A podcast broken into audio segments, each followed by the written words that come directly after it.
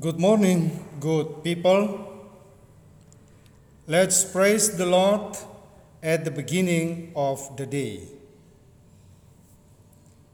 In the name of the Father, and of the Son, and of the Holy Spirit, Amen. Lord, you walk beside us, you are always there. Come, be in our waking, go with us everywhere. Lord, your hand will lead us, your light will show the way. Come, be in our thinking, be our guide today. Amen. The Lord be with you and also with you.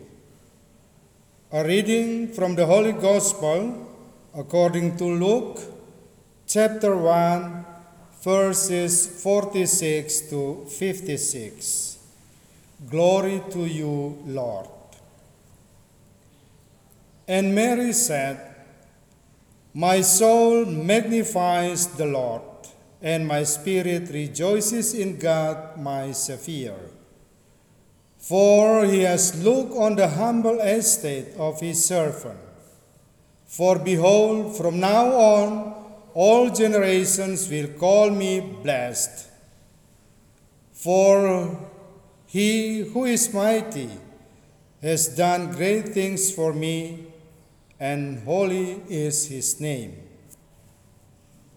And his mercy is for those who fear him from generation to generation.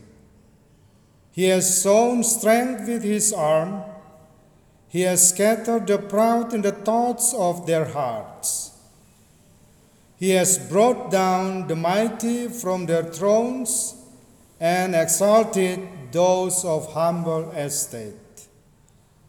He has filled the hungry with good things, and the rich he has sent away empty. He has helped his servant Israel in remembrance of his mercy as he spoke to our fathers, to Abraham, and to his offspring forever.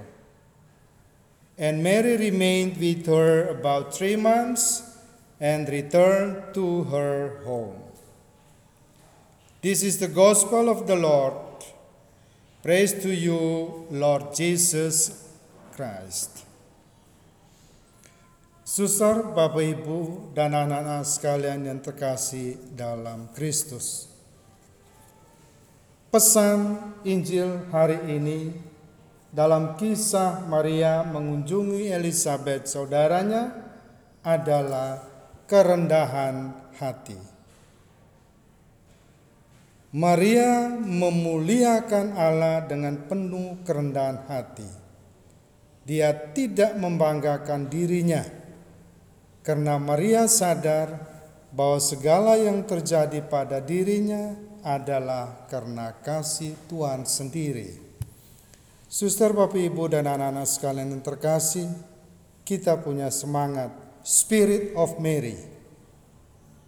Apakah kita memahaminya dan terutama melaksanakannya?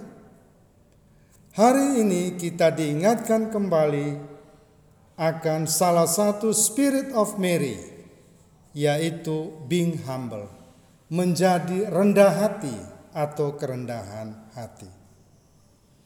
Susar, Bapak, Ibu, dan anak-anak sekalian yang terkasih, marilah kita mulai hari ini belajar untuk bersikap rendah hati di hadapan Tuhan, khususnya, dan juga belajar untuk rendah hati terhadap sesama kita. Amin. Let's pray. Dear Lord, today we offer you ourselves.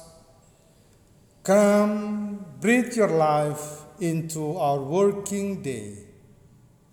Cause us to awake, to embrace the moment, and to go in your name. Today, thank you that we can run without fear, serve with kindness, and walk with you in this great adventure. Amen. In the name of the Father, and of the Son, and of the Holy Spirit. Amen. God bless you.